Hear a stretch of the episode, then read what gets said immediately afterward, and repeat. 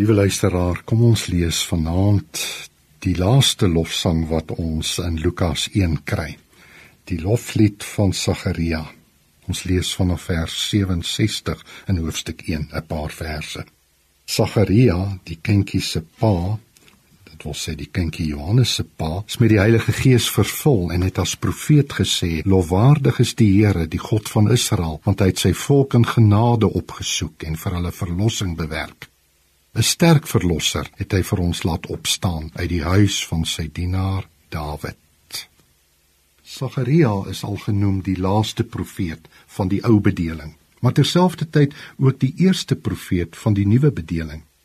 Hy staan as dit ware op die skarnierpunt van die ou en die nuwe. Sy vreugde oor die koms van die verlosser van die wêreld loop oor in 'n loflied wat geïnspireer is deur die Heilige Gees. Hy gryp terug na die uitsprake van die profete van die verlede en maak die venster oop na die toekoms van die Here wat sal aanbreek soos die môre son wat sal opkom. Sagaria begin sy loflied ook met 'n Magnificat. Die Here, die God van Israel, moet geprys word. In Latyn staan die lied bekend as die Benedictus op grond van die eerste woord in die Latynse vertaling van hierdie lied van Sagaria.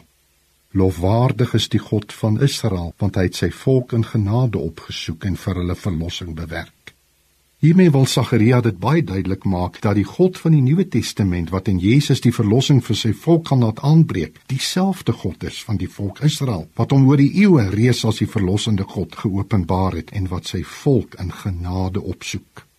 Jesus se geboorte val nie sommer maar net uit die lug nie, maar is gegrond in die lang voorgeskiedenis van God se liefde en genade vir sy volk en die mense op aarde. In die tweede deel van sy lofsang praat Sagaria oor sy kind Johannes wat gebore gaan word.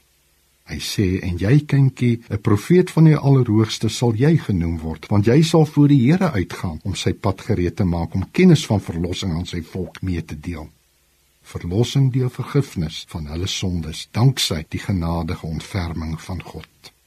Die genade van God word hier weer sterk beklemtoon. Dis deur hierdie genade wat God mense kom red. Dis hierdie genade wat Jesus op die aarde gaan bring. Johannes sou later verwys na Jesus as die een wat die sonde van die wêreld sou wegneem. Sagaria profeteer al hieroor in sy loflied. Hy wil sê alles is net genade. Daarvoor mag ons God dank. Troue God, dit is wat ons vanaand wil doen. Hier kort voor Kersfees, want ons besef U het vir ons sonder mense in Jesus na hierdie wêreld toe gekom uit liefde en genade. En inderdaad, dis alles net genade.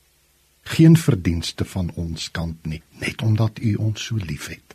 Daarvoor wil ons U eer. Amen.